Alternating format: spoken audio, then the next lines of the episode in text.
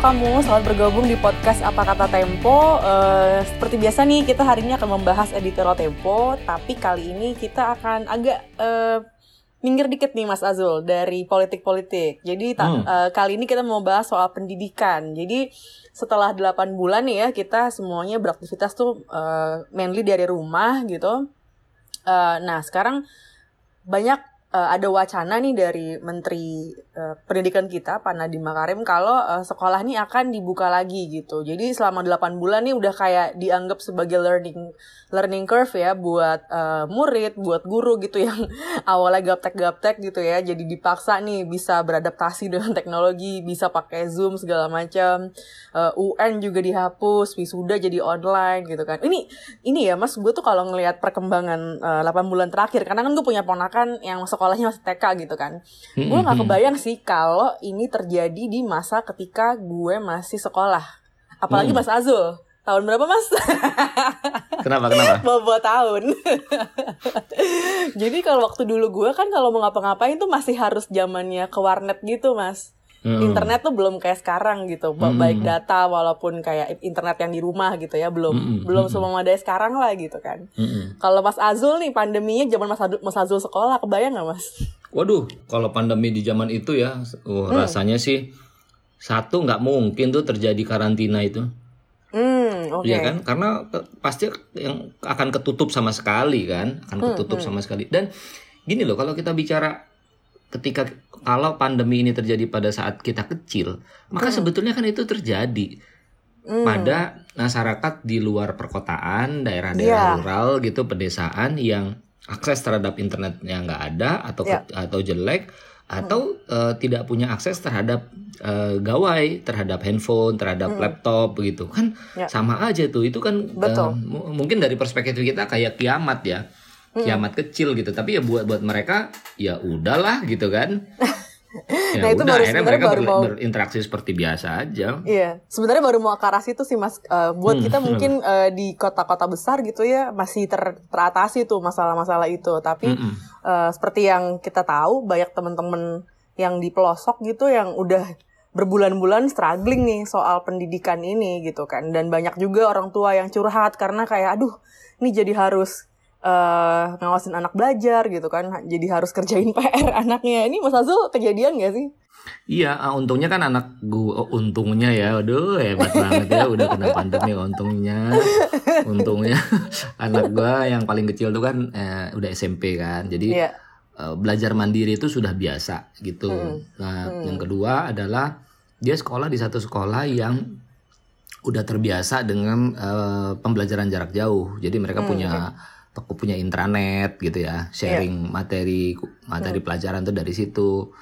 Uh, apalagi misalnya PR atau tugas itu bisa di share di situ chat room dan sebagainya sudah ada. Jadi infrastrukturnya ya syukur sudah uh, sudah mampulah menangani itu gitu. Jadi eh, nggak uh, terlalu nggak terlalu susah. Nah ini yang repot kan pada sekolah-sekolah yang belum siap ya. Atau uh, orang tua yang menghadapi murid yang uh, SD atau bahkan TK yang duduk di kursi itu nggak bisa nggak hmm. bisa lima menit gitu yeah. menit ketiga dia udah jumpalitan kepala di bawah nah itu yang yang memang hmm. bisa kebayang ya orang tua orang tua yeah. muda yang yang kesulitan sekali menghadapi anaknya yang harus belajar jarak jauh tapi Mas Azul uh, ada nggak sih um, di keluarga gitu ngebahas kesulitan belajar online ini Iya, iya, hmm. uh, dan lucu-lucu kadang-kadang. Udah SMP tetap masih ada struggle-nya juga gitu. Oh iya, kalau yang udah gede-gede sih relatif hmm. ya. Sekali lagi relatif hmm. uh, lebih lebih disiplin begitu, relatif hmm. lebih disiplin. Terus uh, orang tua juga mungkin nggak terlalu banyak intervensi karena pelajarannya udah udah sedikit lebih advance gitu ya. ya hmm.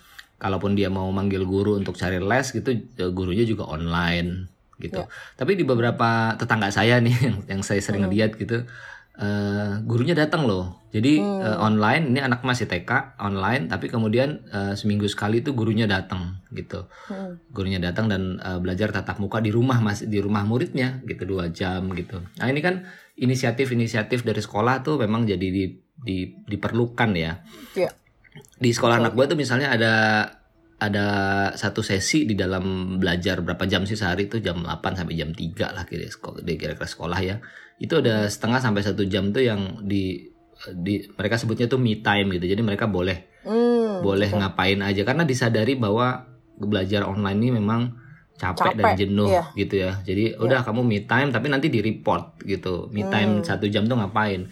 Nah mereka bikinin listnya gitu. Kamu bisa lakukan ini gitu. Ada masak, ada mungkin eh, main sama pet ya, sama binatang peliharaan atau olahraga ringan di halaman dan seterusnya gitu.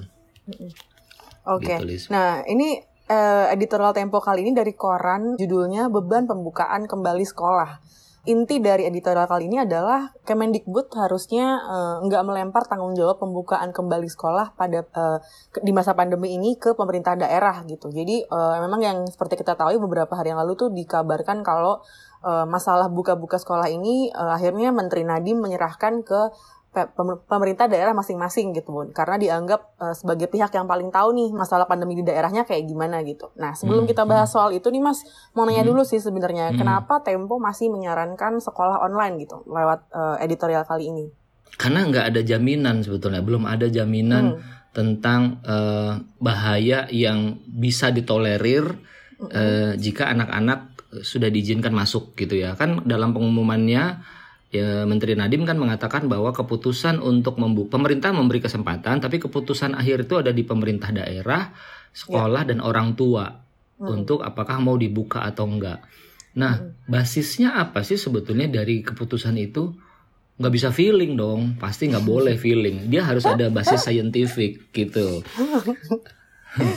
basis saintifiknya apa? Ya peta pandemi. Nah, kan sayangnya pan- peta pandemi ini kan belum tersedia ya. Eh, di DKI barangkali relatif baik peta pandeminya. Tapi kalau kita bicara tentang daerah-daerah yang lain, daerah-daerah yang kalau kita lihat tiap laporan dari gugus tugas itu kelihatan baik-baik saja, apakah memang betul baik-baik saja? Kita nggak pernah tahu karena tingkat eh, pengetesannya kan masih sangat rendah, jauh di bawah standar WHO.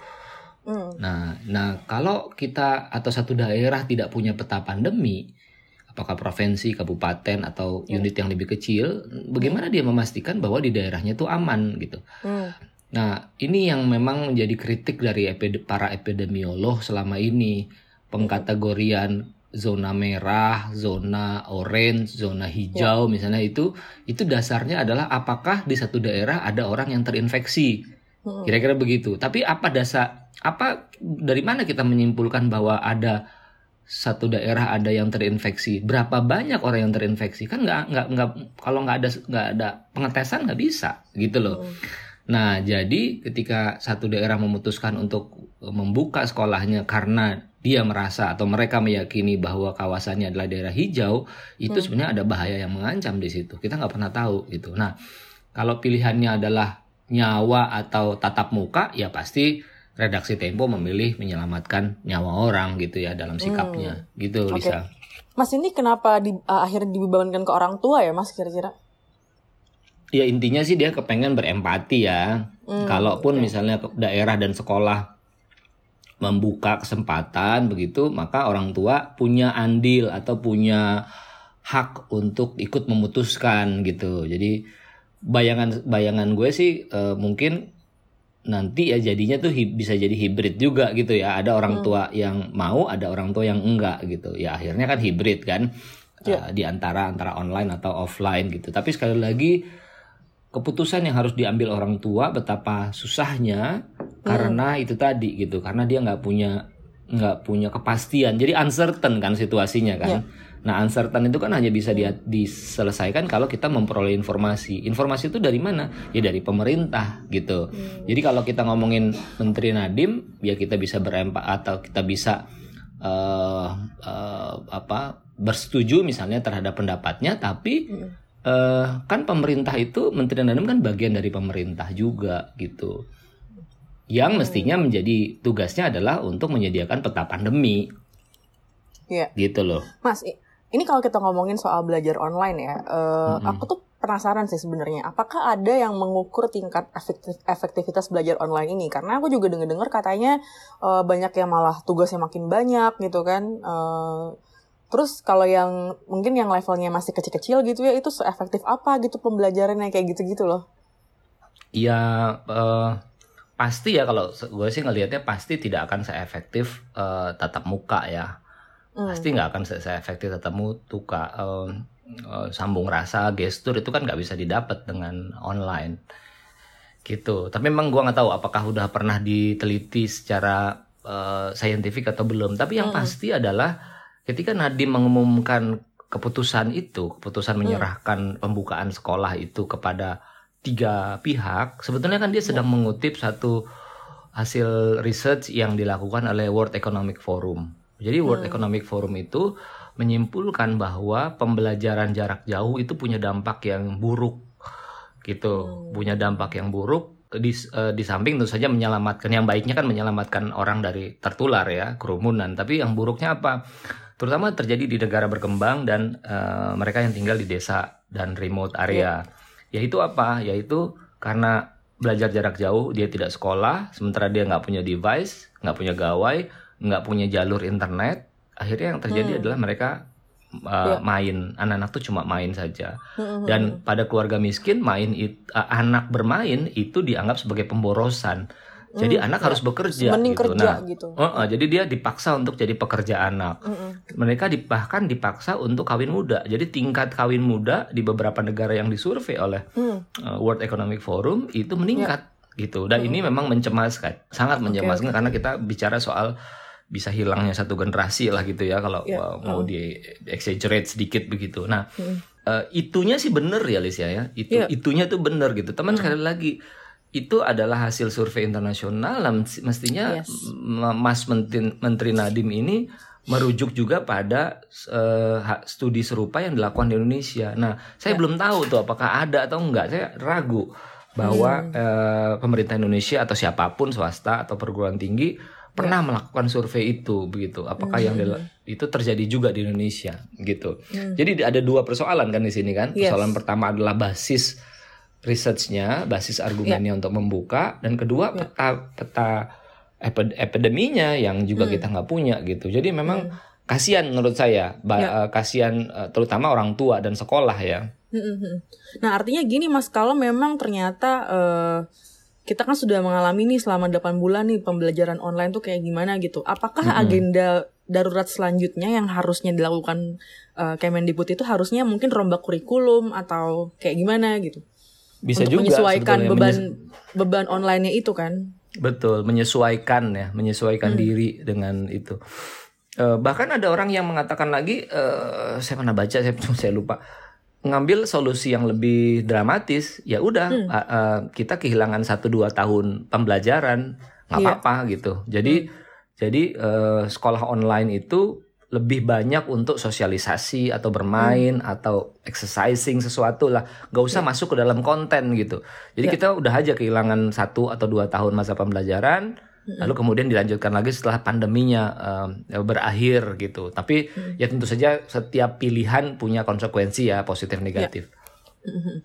nah itu kalau ngomongin uh, misalnya kita uh, pending nih pending lah dua tahun gitu nggak ada materi hmm. atau apa gitu dianggap dianggap pause dulu nih on pause kan. Pause. Mm-hmm. Uh, itu apa yang akan terjadi dengan generasi-generasi selanjutnya ya Mas? Karena kan uh, tiap ta- tiap angkatan kerja itu kan punya tantangan tersendiri ya, kan untuk betul. terserap ke dunia kerja. Kalau tiba-tiba kita harus menghadapi tiga tahun angkatan Hilang kerja gitu. yang pending karena pandemi itu kayaknya Iya, kasihan banget tuh apa adik-adik yang lagi dengerin nih untuk iya. ber, bersaing mencari kerjaan gitu kan benar, dan benar. dan iya. dampaknya iya. ke industri juga ya parah kan jadi banyak benar, banget nih yang harus diserap gitu. Itu ya itu salah satu itu hal yang uh, negatif yang mesti dipertimbangkan. Hmm. Nah, yang hmm. lain adalah ya kita harus uh, melihat negara-negara tetangga ya yang yeah. juga menghadapi pandemi tapi bisa survive gitu. uh, teman-teman di Singapura gitu ya, teman-teman kita di Singapura sudah kirim-kirim eh, video atau foto di sosial media mereka yang anak-anak sudah yeah. sekolah. gitu. Uh, uh, ancaman pandeminya sama loh. Ancaman pandeminya itu sama gitu. Cuman yeah. karena mereka punya sistem treatment yang baik, tracing yang bagus, akhirnya yeah. Semua bisa di contain, bisa di bisa dikendalikan gitu kan sehingga hmm. anak-anak hmm. sekolah bahkan untuk uh, usia yang kita cemaskan gitu ya misalnya usia yeah. SD atau TK yang mereka tuh kuruntelan kalau ketemu kan sama sesama teman gitu. Tapi itu mereka bisa kok sekolah dan masuk setiap hari gitu. Iya. Nah, eh, tentu saja kalau kita bicara sama orang yang agak apa kacamata kuda, mereka kan mengatakan ya jangan bandingin dengan Singapura dong. Hmm, Singapura kan negaranya kecil, kecil. Oh, kecil kan, nggak bisa Gampang dibandingin sama. Indonesia. Oke oke oke, gue ganti Singapura dengan Cina ya gitu. Wah, kurang gede apa tuh ya nggak sih? Betul kan, kurang gede apa, kurang eh, apa complicated apa, angka eh, positif apa namanya eh, pasien positifnya juga berhenti di sekitar 80 ribuan kan, 85 gitu. Iya. Sesuatu yang dulu sebelum kita di 85 itu kita udah ya ampun kita akhirnya sama ya sama Cina sebagai negara asal dari pandemi gitu. Dan berapa bulan kemudian itu angka itu kita tinggalkan jauh di belakang kita sudah hampir 500 ribu gitu.